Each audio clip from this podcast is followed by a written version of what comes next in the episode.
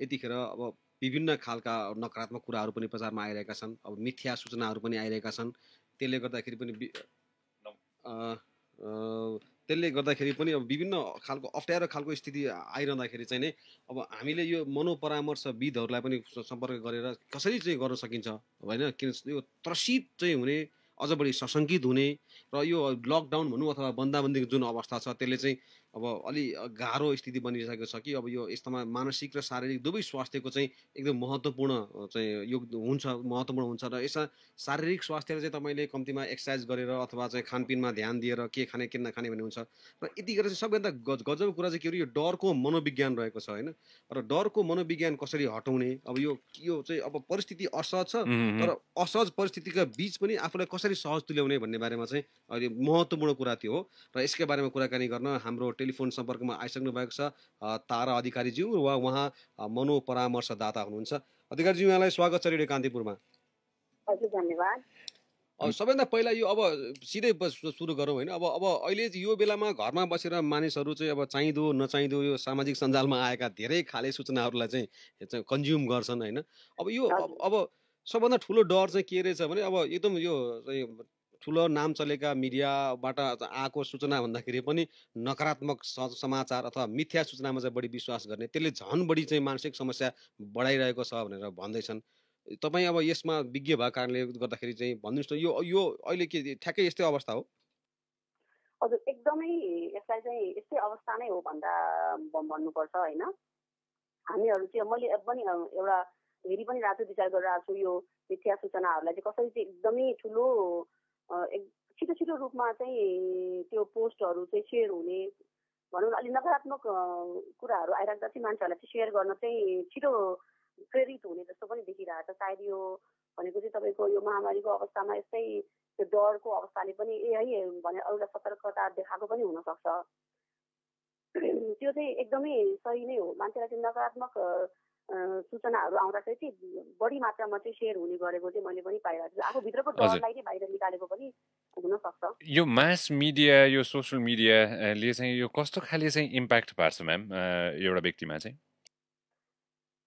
Mass media हाम्रो लागि नौलो धेरै नौलो होइन र फेरि नौलो पनि हो। किन यस अवस्थामा पनि मलाई चाहिँ के लाग्छ भन्दाखेरि यो हाम्रो जुन अहिले अलिकति वयस्क पपुलेसन भनौँ न फोर्टी माथिको अथवा भनौँ अथवा फिफ्टी सिक्सटीको पचास पचास साठी वर्षको मान्छेहरू चाहिँ अहिले यो फेरि यो सोसियल मिडियामा हाम्रो विशेष गरी यो फेसबुकमा चाहिँ धेरै आइराख्नु भएको छ।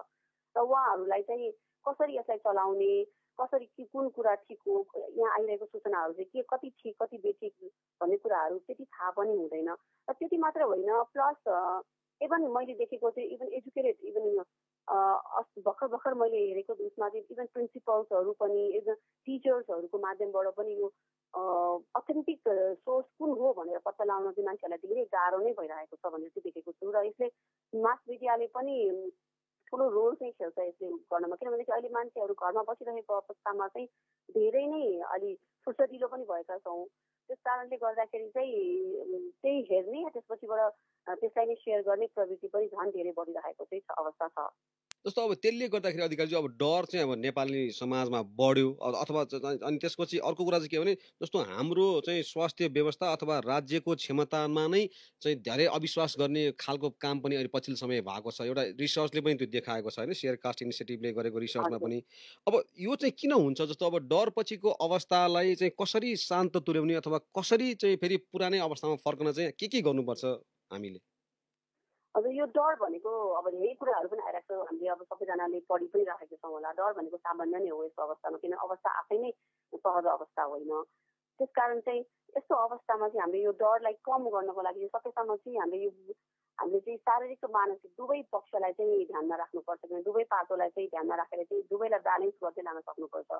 र अब शारीरिक पक्षको कुराहरू गर्दाखेरि अब हामीले अलिकति हामीलाई इम्युनिटी बढाउने खालको इम्युनिटी राम्रो राख्नको लागि चाहिँ हामीले अब पौष्टिक पोषणयुक्त खानेकुराहरू खाने त्यसपछि अब रेगुलर रूपमा एक्सर्साइजहरू नछुटाउने किनभने हामी एकदम फुर्सदिलो भएको छ। हामी कहीँ घरमा बसेर बस्ने बसिरहेको अवस्थामा हामीसँग समय पनि धेरै छ। त्यस कारण चाहिँ हामीले एक्सर्साइजहरू गर्ने अब केही नभए यताउता हामी घरभित्रै पनि हामी हिँडडुल गर्न सक्छौँ।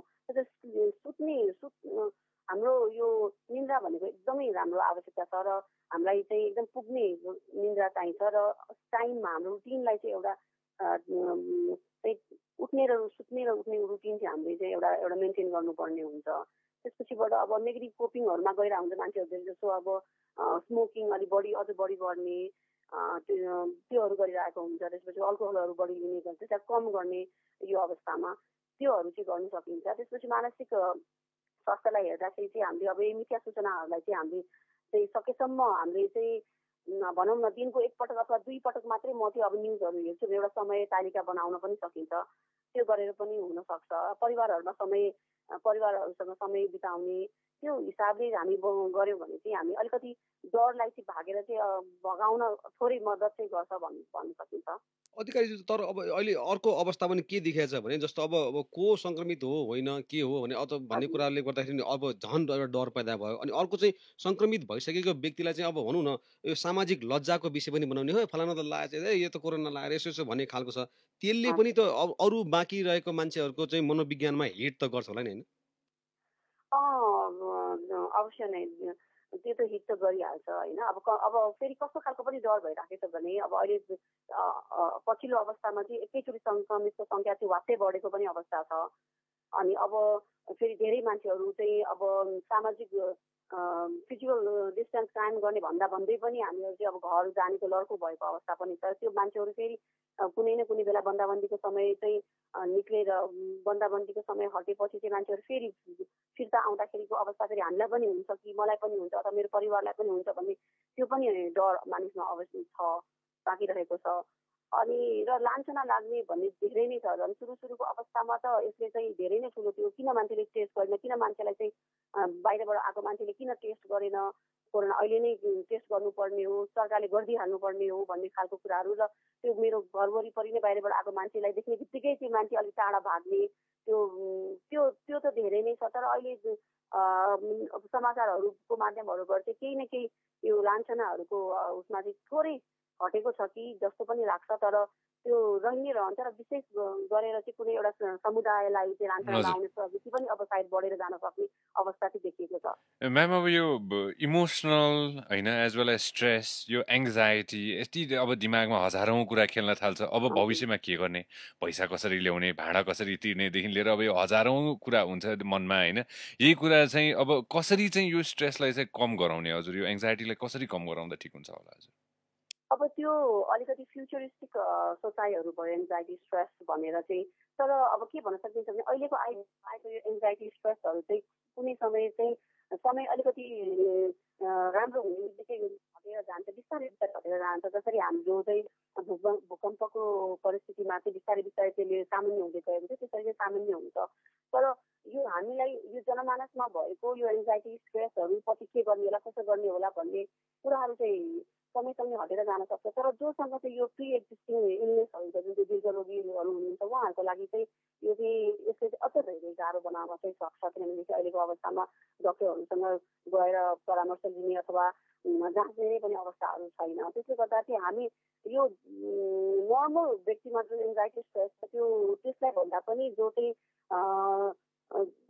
डिजेबिलिटिजहरू भएको जुन चाहिँ क्रोनिक डिजिजहरू भएको व्यक्तिहरू हुनुहुन्छ जो चाहिँ already pre existing mental illness भएको व्यक्तिहरू हुनुहुन्छ। पहिला नै मानसिक रोगको शिकार भइसकेकोहरू हुनुहुन्छ। उहाँहरूमालाई चाहिँ यो सामान्य अवस्थामा फर्किन चाहिँ अलिक बढी समय लाग्छ र त्यसको लागि चाहिँ परिवार र समुदायले प्लस भनौँ न सरकारकै सरकारले नै पनि केही किसिमको कदमहरू चाल्नुपर्छ भन्ने चाहिँ भन्छु म।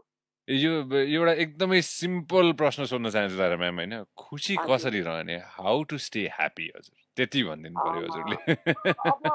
यो महामारीले चाहिँ हजुर यो चाहिँ हाम्रो पहिलादेखिकै भनौँ न यो खुसी कसरी रहने भन्ने चाहिँ हाम्रो चाहिँ एउटा खालको सबैजना मान्छेको त्यो अल्टिमेट गोल भनेको चाहिँ एउटा खुसी भनेर थियो होइन।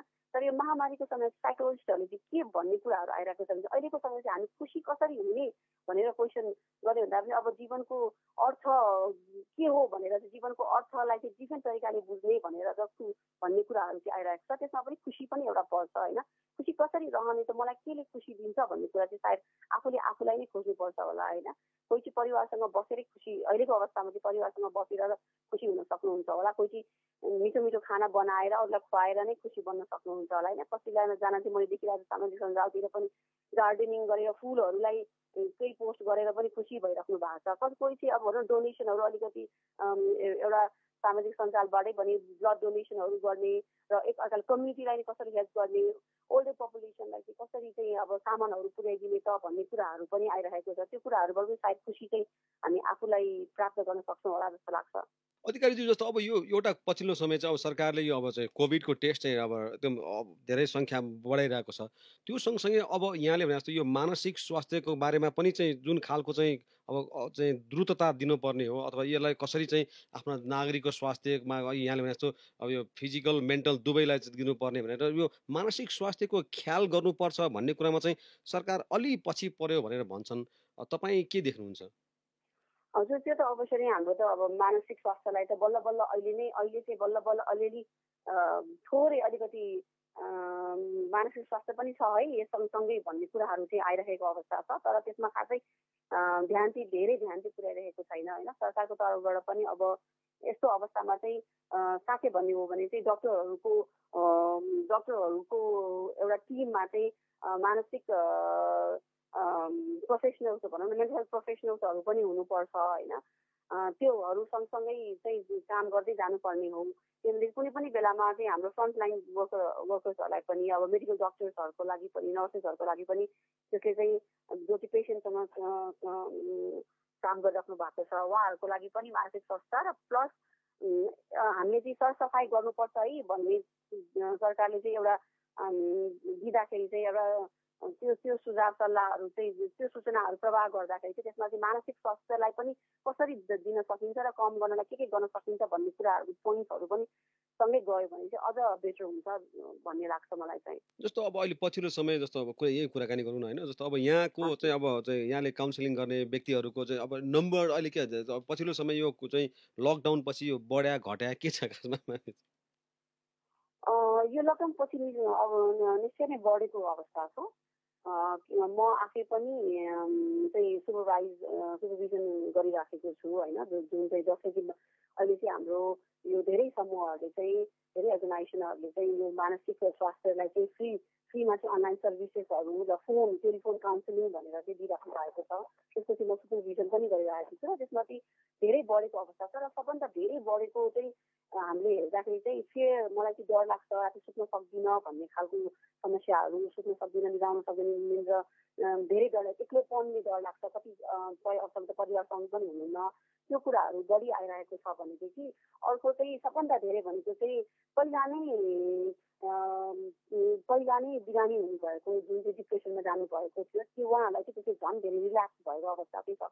झन् धेरै हजुर। आएको छ। त्यो त्यो- त्यस्तो खालको चाहिँ बढी फोनहरू चाहिँ म्याम अब टोटल जनसङ्ख्याको हिसाबले कुराकानी गर्नुपर्दाखेरि लगभग तिन करोड छ नेपालको। होइन तिन करोडमा।